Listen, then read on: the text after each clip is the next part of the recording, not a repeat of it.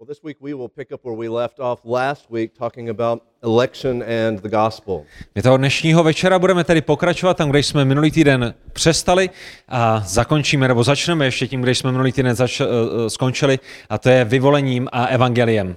And last time we were speaking from Romans 9 about Paul's illustration of the potter and the clay. Minulý týden jsme mluvili s Římanům z 9. kapitoly ohledně příkladu, který apoštol Pavel dává o hlíně a hrnčíři, který tuto hlínu zpracovává.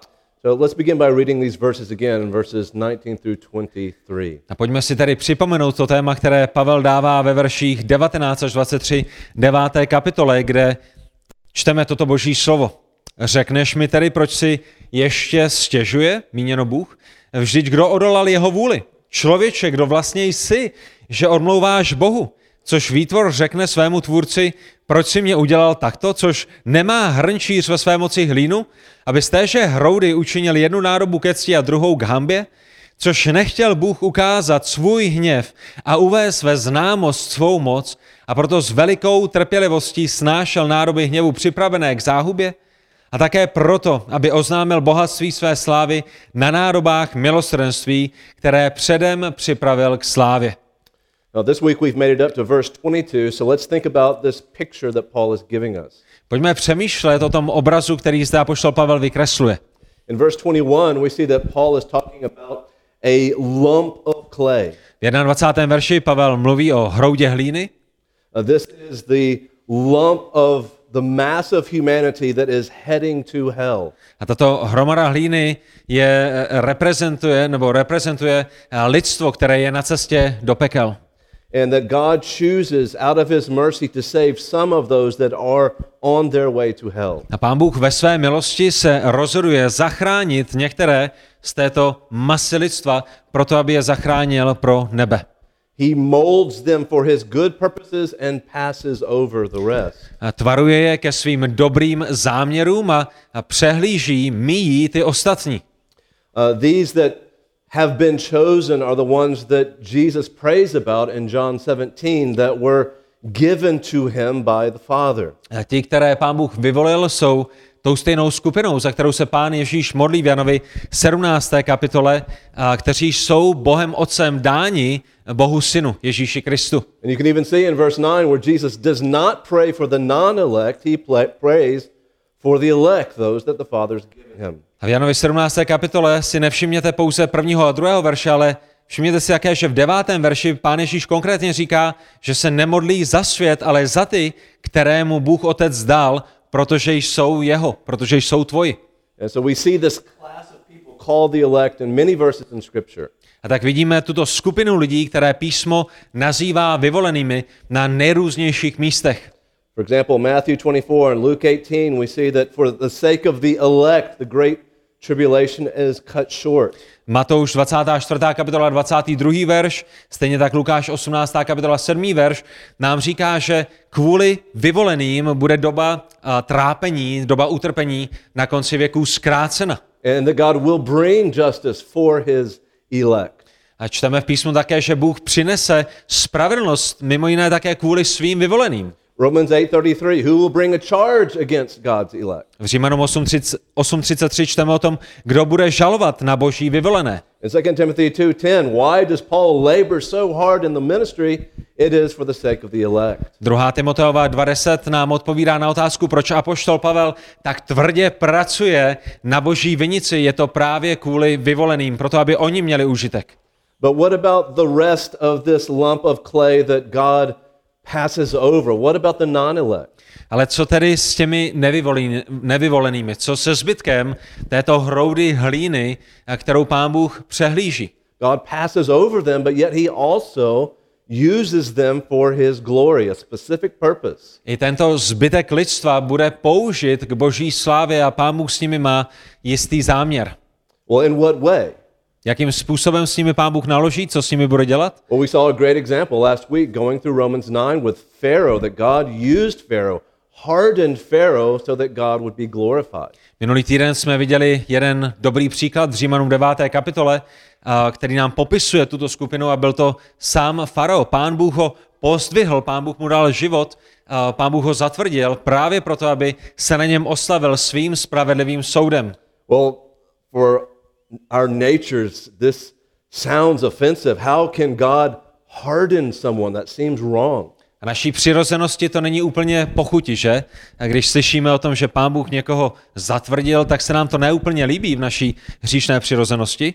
Well, there's two ways of thinking of hardening. There's an active form of hardening and a passive form of hardening. Ale tady je, co je dobré si uvědomit. Eh, O zatvrzení můžeme přemýšlet dvěmi různými způsoby. Eh, Můžeme o tom přemýšlet aktivním způsobem anebo pasivním způsobem. In an active sense, God would be hardening, making someone sin. And so we would say that is not an accurate view. Zatvrzení aktivním způsobem by znamenalo, že pán Bůh je zatvrdil, pán Bůh způsobil, aby zhřešili a my samozřejmě víme z písma, že toto není ten správný pohled. But what is the passive judgment of God? Co by bylo ale to pasivní zatvrzení, pasivní soud Boží? A passive hardening is God taking away his restraining hand to let people have a full vent to the sin that is in their heart. Pasivní zatvrzení by znamenalo, nebo znamená to, že pán Bůh bere tu svoji ochranou ruku, kterou, kterou má nad lidmi, kterou má i nad neznovu zrozenými a, a, a nechává je, aby šli směrem, kterým chtějí jít. Je to jako kdybyste měli koně na úzdě a tu úzdu jste pustili a vypustili toho koně, aby, aby šel, kam ho jeho hříšná přirozenost táhne. So, for example, can you think of one example in the Old Testament of, of God restraining sin? Dokážete si vzpomenout na nějaký příklad, například ve starém zákoně, kde pán Bůh eh, držel na úzdě s, uh, hřích? Well, we find one in the life of Abraham and Sarah. Jeden příklad eh, nalezáme v životě Abrahama a Sáry. In ch- chapter 20 of Genesis, verse 6, we see that God restrained Abimelech so that he would not sin with Sarah. V Genesis ve 20. kapitole 6. verši my čteme o tom, že pán Bůh zabránil, aby Abimelek zhřešil se Sárou, která byla manželkou Abrahama. And we can see many, many other examples in Scripture. Samozřejmě v písmu bychom viděli mnoho dalších příkladů. And it is, brothers and sisters, part of the common grace of God today that he continues to restrain sin. A bratři a sestry, tou boží všeobecnou milostí, součástí této jeho milosti je, že, že zabraňuje hříchu, aby, aby měl plný průchod v tomto světě. Just imagine what our world would look like if God lifted his restraint off of all human hearts. Dokážete si představit, jaké by to bylo, kdyby pán Bůh vzal tu svoji ochranou ruku, kterou drží i nad nevěřícími, kdyby dal průchod naší hříšnosti, hříšnosti nespasených lidí, aby, aby se mohla, aby mohla plně propuknout, jak hrozné a děsivé by to bylo? Imagine if everyone had a seared conscience like a Heydrich, a Hitler, a Stalin, and so forth. Představte si, jaké by to bylo, kdyby každý člověk měl, měl tak eh, zatvrzelé svědomí, jako ho měl Stalin, nebo Hitler, nebo Heydrich. And notice what uh, Chalmers writes about this. Všimněte si následujícího citátu od uh, Chalmerse, který říká, píše, Bůh je spíše tím, kdo hřích omezuje, než dovoluje. A po světě se prohání pouze pár potůčků hříchu ve srovnání s obrovským přívalem, který zadržuje jak u lidí, tak u ďáblů. Jako Soromské jezero se skrývá v přirozenosti každého, jaké Soromské jezero se skrývá v přirozenosti každého člověka. Pokud by Bůh měl odhodit otěže z krku hříšných lidí, narazili by na tisíce ohavností. Mnohem více než do posud. Dojem všech přirozených zákonů by byl vymazán, svět by byl ještě krvavějšími jatky. Lidská společnost by se ponořila do chaosu, ve kterém by nebylo vidět žádné hvězdné světlo, chválihodné morálky, svět by už nebyl zemí, ale peklem. But sometimes in Scripture, we do see where God removes his restraining hand and we see the passive judgment of hardening. A tak někdy v písmu vidíme opravdu moment, kdy pán Bůh odnímá tu svoji ochranou ruku a, a dochází k zatvrzení lidských srdcí. For example, in Psalm 81, we see that God has given over Israel to the wickedness of their heart. Například v Žalmu 81. 12. až 13. verši vidíme, že Bůh vydal Izrael eh, jejich zvráceným uh, srdcím. That's passive hardening. Je to to pasivní zatvrzení. The same thing in Romans chapter 1, verses 24 through 26, God gave them up. God gave them up. That's passive hardening. Stejnou věc bychom viděli v Římanu v první kapitole 24. až 26. verši, kde, kde znovu a znovu čteme o tom, že Pán Bůh je vydal, že je, že je nechal, aby, aby šli. So what is happening is God is allowing them to have a fuller expression of their sin. A tak Pán Bůh jim dovoluje, aby zakusili uh, svůj hřích ještě hlouběji, než jak by ho zakusili uh, v té jeho všeobecné milosti, v tom, když nad nimi drží svou ochranou ruku. Všimněte si následujícího citátu od R.C. Sproula.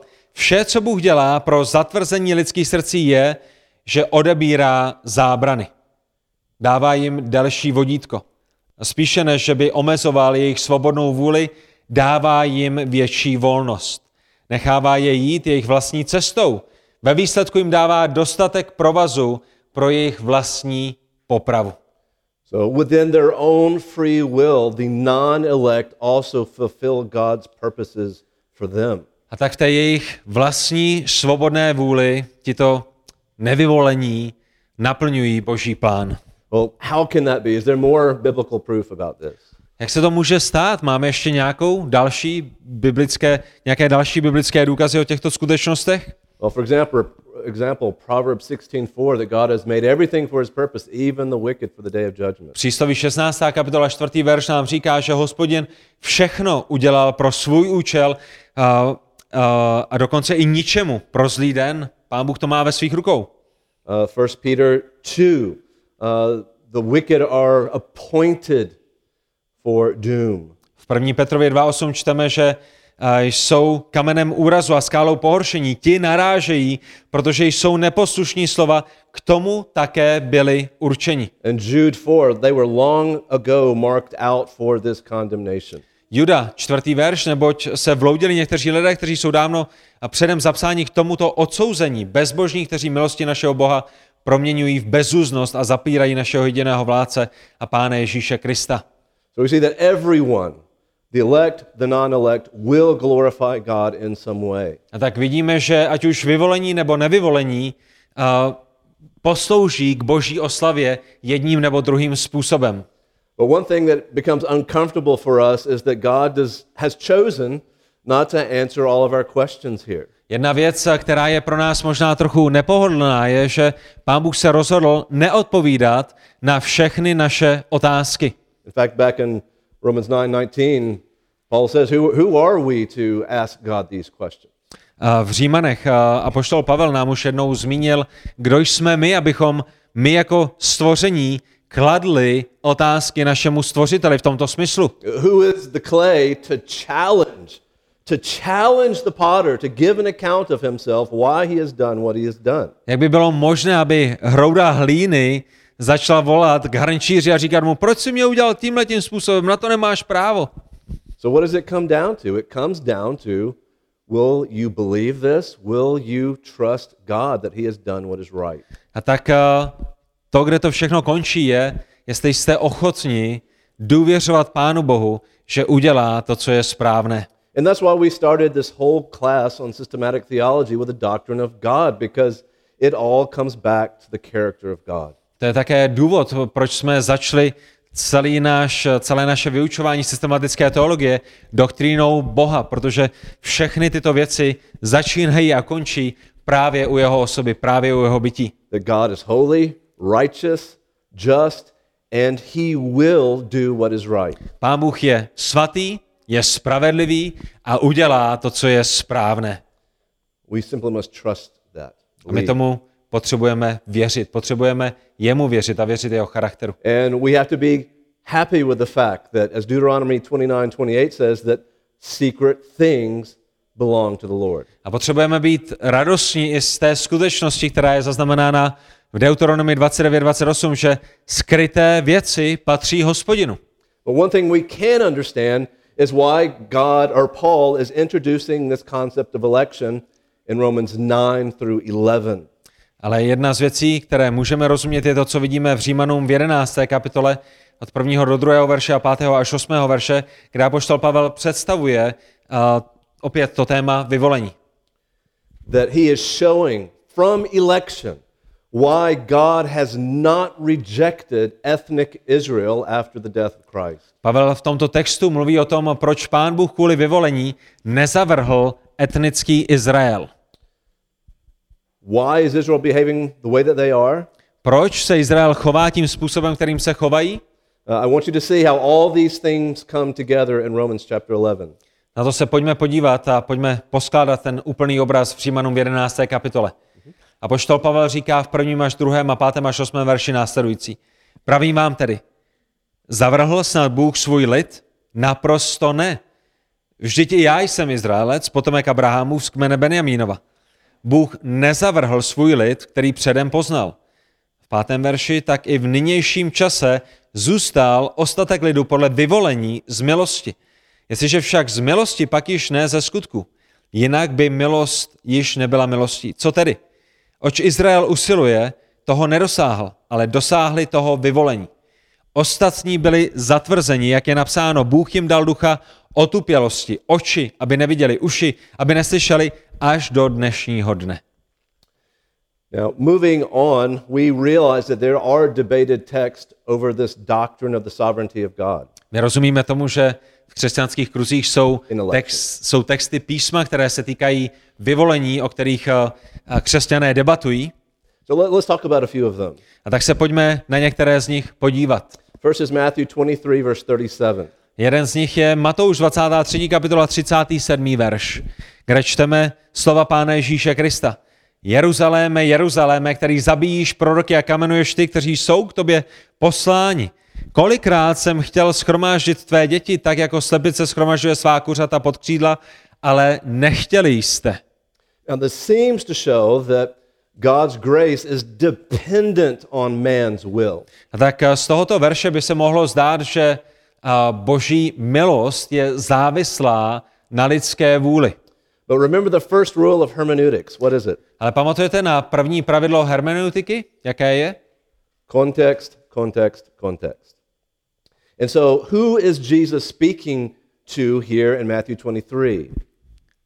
Ke komu pán Ježíš mluví ve 23. kapitole Matoušova evangelia? What is all of chapter 23 about? O čem je celá 23. kapitola tohoto evangelia? Jesus is condemning the Jewish leaders. Pán Ježíš zatracuje uh, židovské uh, učitele zákona, židovské duchovní vedoucí. Běda vám, běda vám, běda vám, over and over. Woe are the Jewish leaders. Znovu a znovu tam budete číst to, co říká bratr Jonathan, běda vám, běda vám, běda vám. And so, as we look at these words, we're seeing that when Jesus is referring to Jerusalem, he's referring to these leaders. A tak když se dostaneme do 37. verše, tak v tom kontextu, ve kterém se nacházíme, vidíme, že pán Ježíš mluví právě k těmto náboženským představitelům. And your children are those under the care of the Jewish leaders. A ty děti, o kterých zde pán Ježíš mluví, jsou právě těmi následovníky tohoto náboženského systému, těchto náboženských farizeů. So here's the key issue. A tak a tady je ten klíčový problém.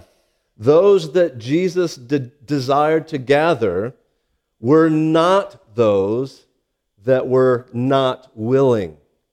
Ty, které se pán Ježíš snažil schromáždit, nebyli těmi, kteří byli ochotni. The leaders were the ones that were not willing. Ty, kteří nejsou ochotní, jsou ti náboženští vůdcové. What were they not willing to do? Co nebyli ochotní udělat?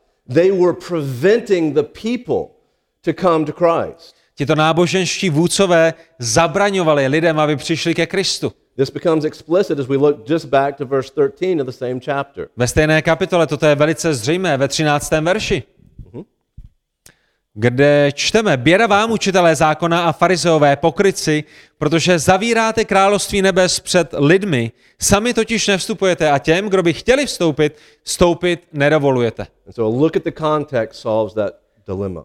A tak eh, vidíte, jak ten kontext 23. kapitoly nám pomáhá vyřešit tuto zdánlivou problematiku, ten zdánlivý problém, který tam je? The next text is 1 Timothy 2 4 through 6. Další populární text je v prvním listu Timoteovi ve druhé kapitole 4. a 6. verši, kde čteme o Pánu Bohu, který chce, aby byli všichni lidé zachráněni a přišli k poznání pravdy. Je totiž jeden Bůh, jeden je také prostředník mezi Bohem a lidmi, člověk Kristus Ježíš, který dal sám sebe jako výkupné za všechny, jako svědectví ve svůj čas. You know, as a background to this, I think it's helpful to look at Titus chapter 2.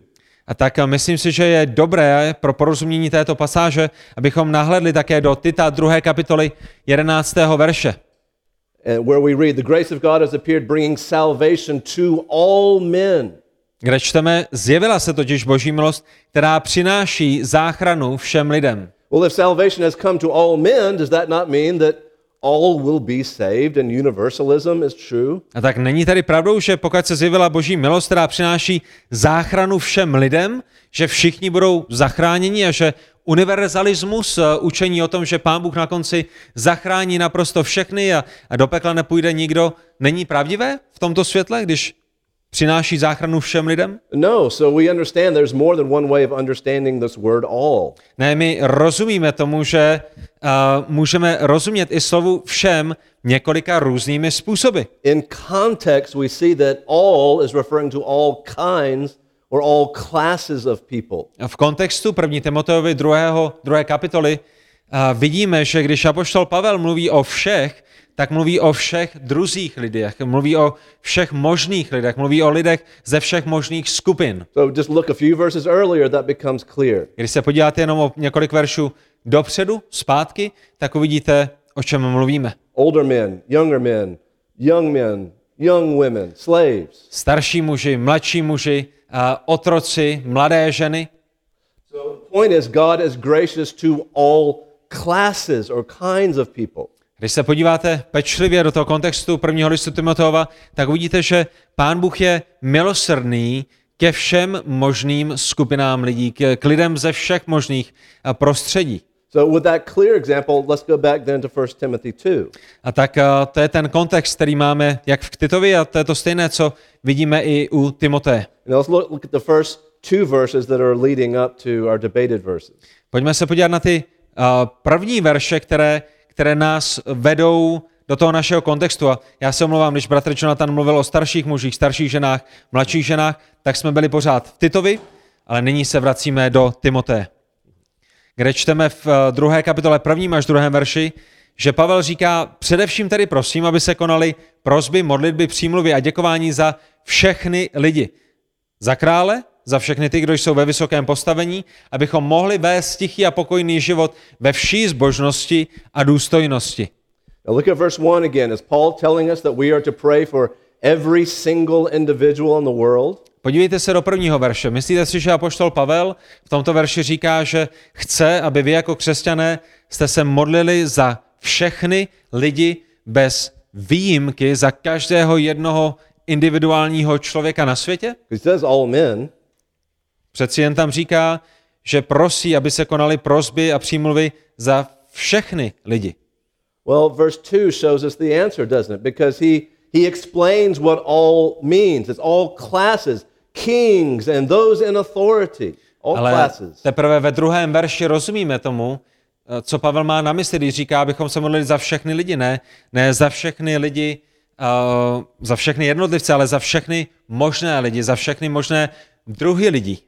So a good phrase to remember in this context is that God is, or Paul is not talking about all people without exception, but all people without distinction. A tak uh, dobrá fráze, kterou si můžete zapamatovat, je, že apoštol Pavel v tomto kontextu nemluví o všech lidech bez výjimky, ale o všech lidech bez rozdílu. Bez rozdílu na to, v tom, z jaké jsou skupiny nebo z jakého jsou postavení.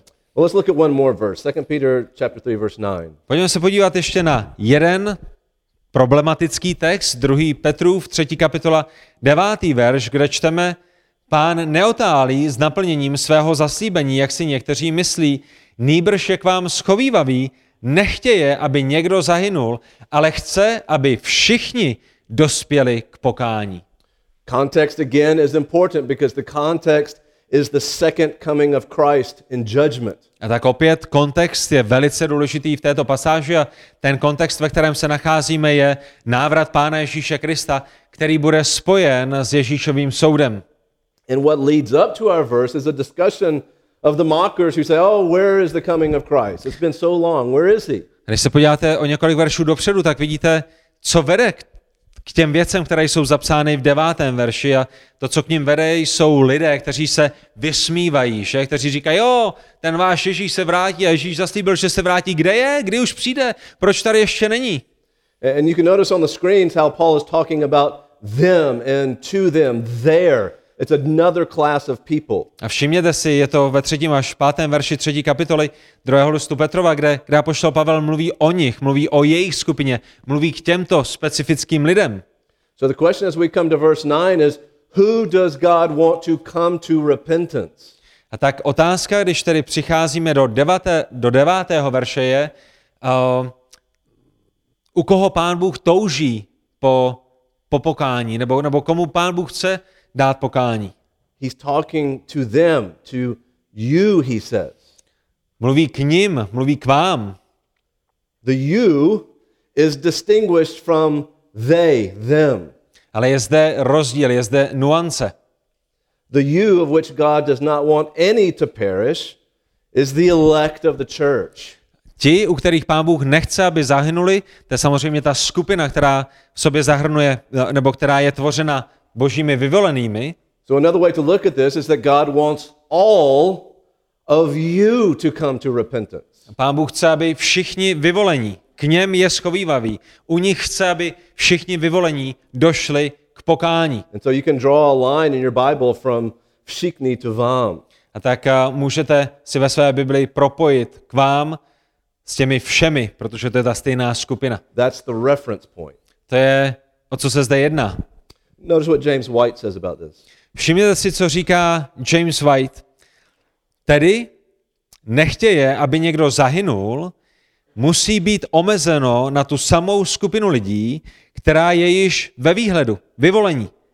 Stejně tak, aby všichni dospěli k pokání, musí mluvit o té samé skupině lidí.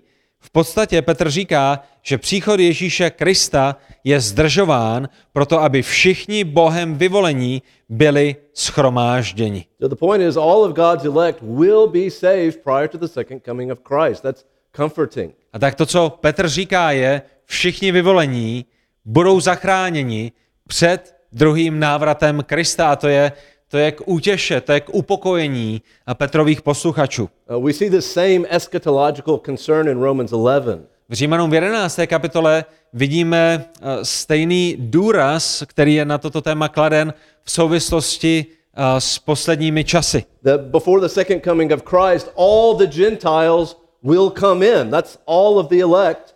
And then in the end, all Israel will be saved. Pavel říká, že před návratem Krista všichni ti vyvolení z pohanů budou zachráněni a potom, potom i vyvolení z židovského národa a přijdou spáse. This is a great comfort knowing that all that the Father has given to the Son will come to him. A tak je, je to ohromně pozbuzující a dobré vědět, že všechny ty, které Bůh svěřil, daroval svému synu, přijdou k němu, protože jsou vyvoleni, protože budou přitáhnuti otcem. So I, I thought it might be fun to take a few minutes to, to go over some common questions that people ask in this regard. A tak myslel jsem si, že by bylo dobré uh, se podívat na některé takové běžné otázky, které si lidé kladou v souvislosti s tématem vyvolení a možná to bude nápomocné i pro vás dnešního večera. People say, why does God choose one person over another? You think you're one of the elect, you're one of the holy, you're one of the righteous ones. Někdy si lidé říkají, anebo říkají nám, proč Bůh vyvolil tohodle a nevyvolil tamhle toho? O, vy vyvolení, vy si myslíte, jak jste lepšími, jak jste svatějšími, jak jste spravedlivějšími a, a kvůli tomu vás Pán Bůh vyvolil? Well, think about this. You have two people, one believes and one does not believe. Why does the one believe? A tak si to zkuste představit. Máte dva lidi, jeden z nich je znovu zrozen, jeden z nich uvěřil, druhý z nich neuvěřil. Proč? Proč jeden z nich ano a proč druhý ne? Is he more spiritually sensitive? Is he smarter? Uvěřil jeden z nich, protože byl duchovně citlivějším, nebo že byl chytřejším, moudřejším, lepším? The answer is either going to be found in man or in God. A ta odpověď na tuto naši otázku bude buď k nalezení v člověku, v tom, kým je člověk, anebo v Bohu a kým je Bůh. So is God's election conditional based on what he sees you doing in the future or is it unconditional, not based on anything that you do? Je boží vyvolení podmíněné tím, že se pán Bůh podívá do budoucna na váš život, tím, jak budete sekat dobrotu a na základě toho si vás vybere, anebo, nebo je boží vyvolení nepodmíněné a závislé pouze jedině na jeho lásce, na jeho dobrotě. I think God's election of ethnic Israel is a great illustration from Deuteronomy 7. Myslím si, že boží vyvolení etnického národa je jedinečnou ilustrací na základě Deuteronomy 7. kapitoly. So look at verses 6 and 8. Why does God choose Israel over all countries of the earth?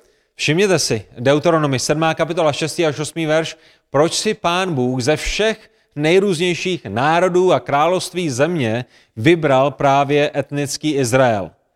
A my čteme o důvodu v 6. až 8. verši.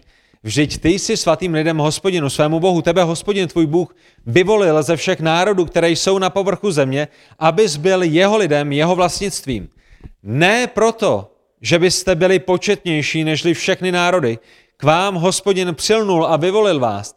Vždyť vás bylo nejméně ze všech národů, ale ze své lásky k vám, a aby zachoval přísahu, kterou přísahal vaším otcům, vás hospodin vyvedl mocnou rukou a vykoupil tě z domu otroctví z ruky faraona, egyptského krále. Why does God choose Israel? Is it something in Israel that God saw that was attractive?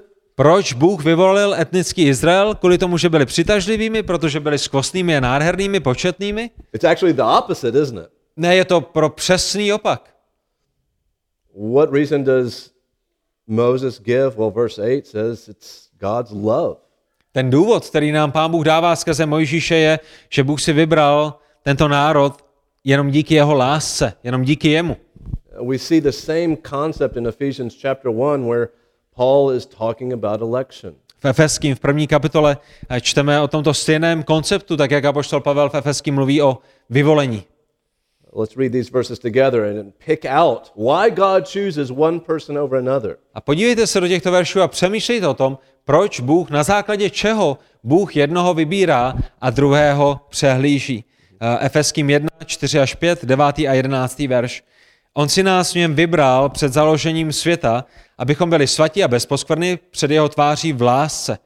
Když nás podle zalíbení své vůle předurčil sobě k synoství skrze Ježíše Krista.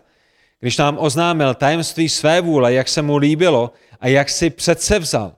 V něm jsme se stali i dědici, když jsme byli předurčeni podle předsevzetí toho, který působí všechno podle rady své vůle. Okay, did Paul give us the answer that we wanted? Dal nám Pavel odpověď, po které jsme toužili? He tells us it's because of God's love, his intention, his purpose. Pavel říká, že důvodem, proč si jednoho vybral a druhého přehledl, je kvůli jemu samotnému, kvůli jeho lásce, kvůli jeho, a před, eh, kvůli jeho, eh, kvůli jeho plánu, kvůli jeho vlastní vůli. Beyond that, he does not say. Ale nezdílí s námi nic dalšího. Toto je ten důvod, který je nám dán. A my potřebujeme s tím být v pořádku. Skryté věci patří hospodinu.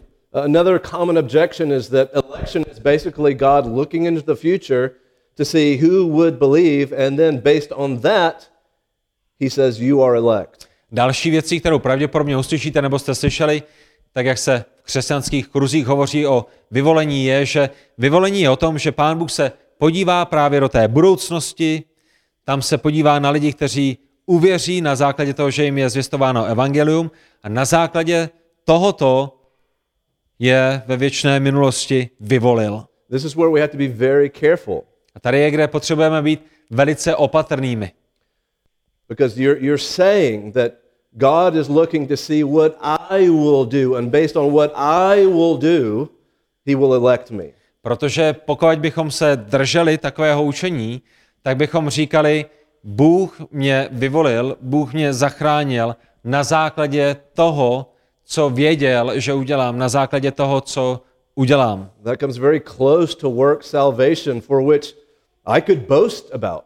A to je velice nebezpečně blízko spasení, které by bylo založené na skutcích, spasení, ze kterého bych já se mohl chlubit, protože Bůh si mě vybral na základě toho, že já jsem se rozhodl, na základě toho, že já jsem uvěřil. And notice what Arthur Pink writes in this regard. A všimněte si toho, co říká Arthur Pink ohledně těchto věcí. Jestliže Bůh doopravdy vyvolil jednotlivce ke spáse na základě jejich budoucí víry, pak se víra stává záslužným skutkem. V takovém případě má hříšník pevnou půdu pod nohami pro jeho chlubení, které písmo důrazně odmítá. Efeským 2. kapitole 9. verši.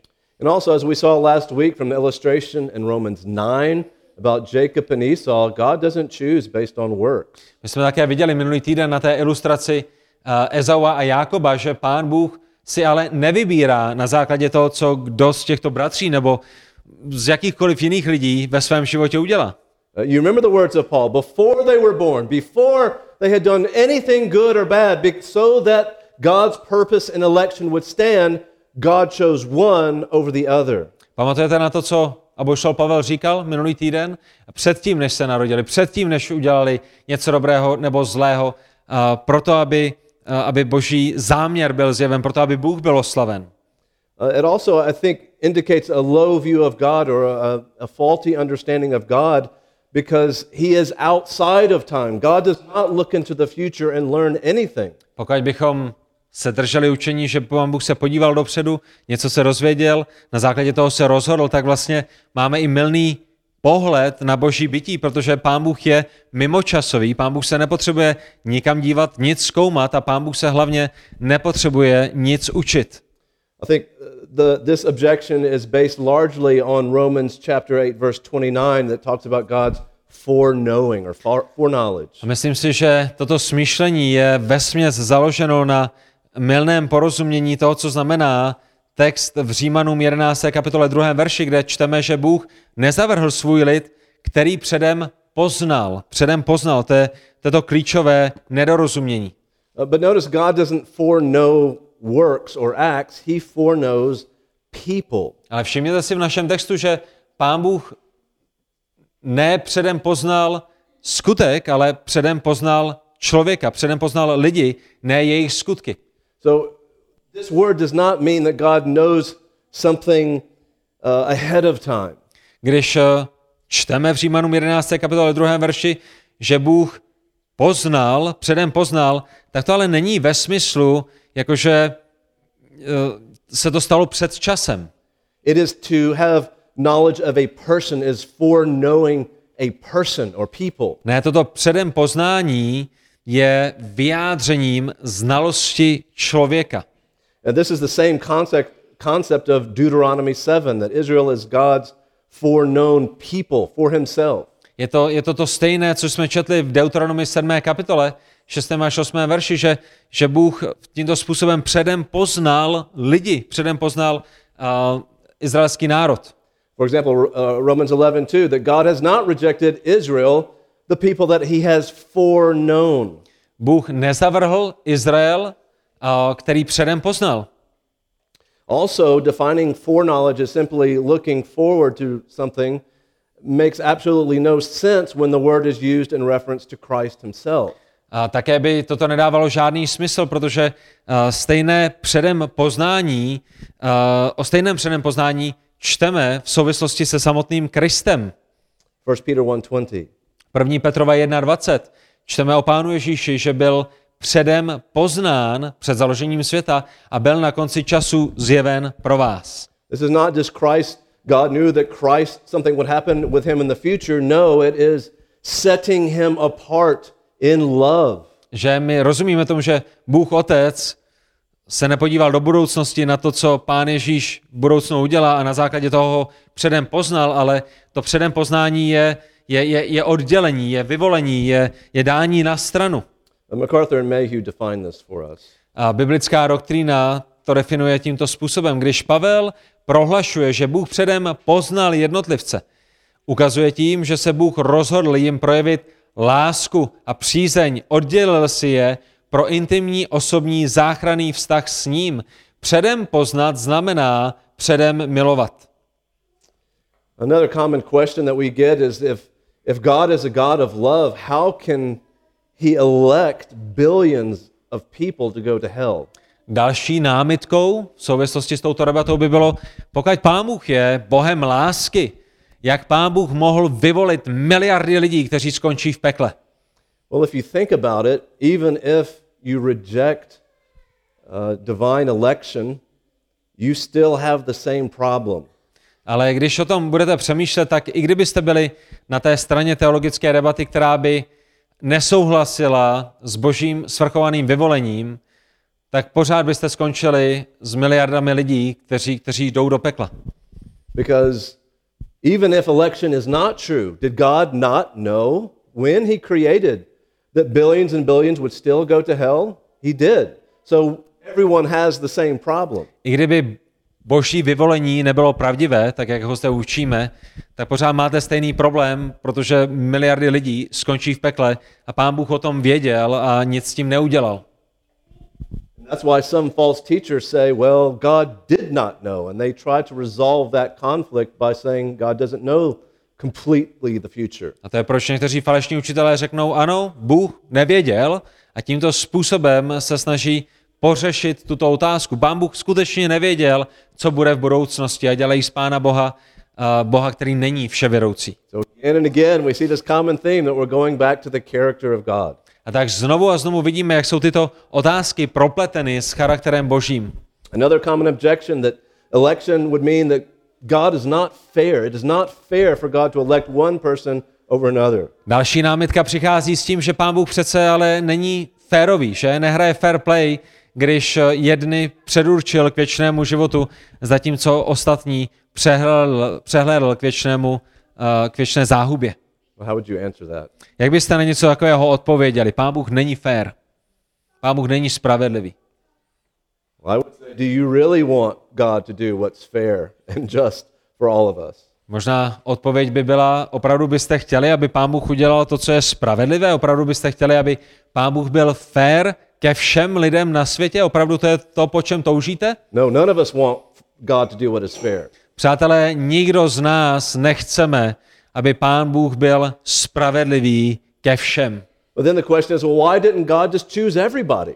Proč? Protože kdyby Pán Bůh byl spravedlivý ke všem, tak by všichni museli skončit v pekle. A ta otázka, která je s tím spojená, je, proč tedy Bůh vyvolil některé? Well, that's the wrong question. Ale to je špatná otázka. What's the right question? Ta lepší otázka, správná otázka, Why has God elected anyone at all? je, That's the better question. proč Pán Bůh vůbec některé vyvolil? Proč, proč Pán Bůh vůbec vyvolil některé pro věčný život? But we've already seen why God has done what he has done. It is for the glorification of the fullness of his attributes. A my už jsme to viděli, proto aby byla zjevená plnost jeho atributů. Jeho láska, jeho milosrdenství, ale také jeho spravedlnost. But then some people say, well, that would destroy people's wills. Někteří lidé řeknou, no jo, ale počkej, to by teda znamenalo, že to ničí lidskou vůli, lidskou svobodnou vůli. Well, do you remember how we defined the will? Ale pamatujete na to, jakým způsobem jsme definovali vůli? That's very important if you want to talk about the freedom of the will. A pokud chcete mluvit o svobodné vůli, tak je velice důležité si ji správně definovat. Your will is your ability to do what you want in the confines of your nature. Vaše vůle je schopnost dělat to, co chcete, ale pouze v mezích vaší přirozenosti, toho, kým jste. So, do unbelievers, are they able to do what they want within the confines of their nature? Yes. Jsou nevěřící schopni dělat to, co chtějí v oblasti, v hranicích jejich přirozenosti? Mají tuto svobodnou vůli? Ano, samozřejmě mají.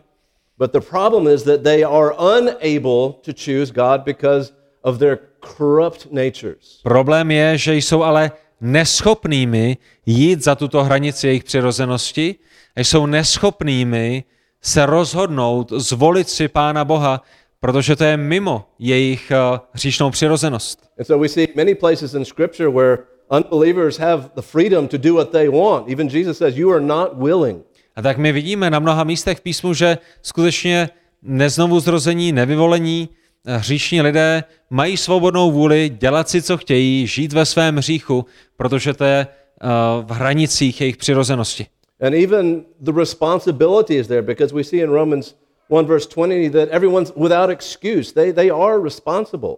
A my to do, vidíme v Římanům 1. kapitole 20. verši, že uh, i, i přesto, ale jsou všichni vykazatelní, všichni jsou zodpovědní za svědectví, které jim Pán Bůh dává ve stvoření. So what does God have to do? According to Ephesians 2, he has to reach down and make a spiritually dead person alive spiritually. A tak tou jedinou možností pro záchranu naprosto skažených hříšných lidí je, že Pán Bůh se sehne, že Pán Bůh přijde, že Pán Bůh vyvolí a zachrání a, a vzkříž si duchovně mrtvý, mrtvé lidi a dá jim, dá jim nový život. Uh, Maybe you're still struggling with this doctrine, and so let me ask you a question. A možná, možná pořád máte otazníky a tak se vás chci zeptat následující otázku. When you pray for the salvation of someone, what are you asking God to do? Když se modlíte za spasení nějakého vašeho příbuzného, o co, o co, o co prosíte Pána Boha? You're asking them to God to move upon the heart of the unbeliever to make him or her willing to believe. Když se modlíte za spasení svého příbuzného, kamaráda, známého, tak se modlíte k Pánu Bohu proto, aby změnil jejich srdce, proto, aby Pán Bůh je zachránil, proto, aby Pán Bůh je spasil, proto, aby Pán Bůh proměnil jejich srdce. So if you pray A pokud se modlíte tímto způsobem, potom implicitně věříte v boží svrchovanost ve spáse. Let's do one more. Pojďme se podívat ještě na jednu. How is divine sovereignty and election, how does that go with human responsibility? Do those things meet? Jakým způsobem jde v ruku v ruce boží svrchovanost ve spasení eh, s lidskou zodpovědností? Because, for example, in Matthew 11, we've seen this, these verses several times over the past few months, that God hides truth from some and he reveals truth to others. My čteme například Matoušovi 11. kapitole, a už jsme ty verše zmiňovali mnohokrát, že, že Bůh eh, svou pravdu některým zjevuje a, a před některými ji skrývá. But what are the very next verses? To jsou verše 25 až 26, ale podívejte se na ty verše, které následují. 28. až 30. verš 11. kapitoly. We go from God reveals and hides to come all My who are weary and heavy laden, and I will give you rest. My vidíme, jak ve 25. až 26. verši a Bůh něco skrývá a některým lidem a, a, a odhaluje ty stejné pravdy jiným lidem, ale, ale v 28. verši čteme pojďte ke mně všichni. Pozvání pro všechny. So God elects some, but the offer of the gospel is to everyone. A tak i když Bůh jenom některé vyvoluje, tak nabídka evangelia je pro všechny. This is why we teach both here in Kujin. We teach the sovereignty of God in election, but that all men and women are responsible to believe at the same time. To je také důvod, proč to tímto způsobem učíme v našem sboru, že my na jedné straně učíme naprostou boží svrchovanost ve vyvolení hříšníků, ale na druhé straně také voláme ke všem lidem bez rozdílu, bez výjimky, pojďte ke Kristu všichni, je to vaší zodpovědností. Again, everyone is responsible. Romans 1:20, they are without excuse. Římanům 1.20. Všichni jsou bez výmluvy, protože všichni jsou vykazatelní a všem bylo zjeveno minimálně ze stvoření, že je zde stvořitel, který je stvořil. So the, the elect do not walk around with a red dot on their foreheads. We, we are to preach to everyone. A tak a vzhledem k tomu, že vyvolení nemají červenou hvězdu na svém čele, tak my hlásáme evangelium všem a všechny voláme k pokání. So how do we reconcile divine sovereignty and human responsibility? Jakým způsobem tedy sjednotíme uh, boží svrchovanost ve spasení a, a lidskou zodpovědnost ve spasení? Can we explain it in a way that we have 100% intellectual satisfaction? Mohli bychom tuto otázku vysvětlit tak, abychom měli naprosté stoprocentní intelektuální uspokojení, že, že všechno je v pořádku a jednotné? No, it's very difficult for us to understand. Ne, nedokážeme, je to, je to pro nás náročné téma. But we believe the Bible teaches both, and so we believe both, even Ale- though we can't understand it. fully. Vzhledem k tomu, že obě tyto pravdy písmo učí, tak my chceme obou ten, těmto pravdám věřit a důvěřovat jim a, a brát je jako pravdu Božího slova, i když ne úplně rozumíme tomu, jak jsou propojeny. So we are simply called to trust and obey. A tak a, Boží slovo nás si v této otázce volá k tomu, abychom Bohu důvěřovali, abychom ho poslouchali. And to look forward to heaven where we can ask these types of questions. A také, abychom se o to více těšili na nebe, až se budeme i na tyto otázky moci zeptat našeho pána a stvořitele a dostat dobré odpovědi. Now, next week, I just want to ask a couple more questions in regard to this, and then we will move on. Jak pán Bůh dá, příští týden se podíváme ještě na některé další otázky, které jsou spojeny s tímto tématem a pak se vydáme dále do nauky o spasení. So, for example, does the doctrine of election kill evangelism and missions? Jedna z těch otázek bude, jestli nauka o boží svrchovanosti ve spasení ničí evangelizaci a, a ničí celosvětovou misi křesťanů. Or some of you might be watching tonight and asking, election seems to be there in Scripture. How do I know if I'm elect? Nebo možná někteří z vás si říkáte, dobře, vidím to téma vyvolení v písmu, ale jak mohu vědět, jestli já jsem jedním z těchto vyvolených? So join us next week for some answers. A tak, eh, jak pán Bůh dá, přijďte i příští týden a dostanete ještě více otázek na vaše možné, více odpovědí na vaše možné otázky. Amen. Amen. Amen.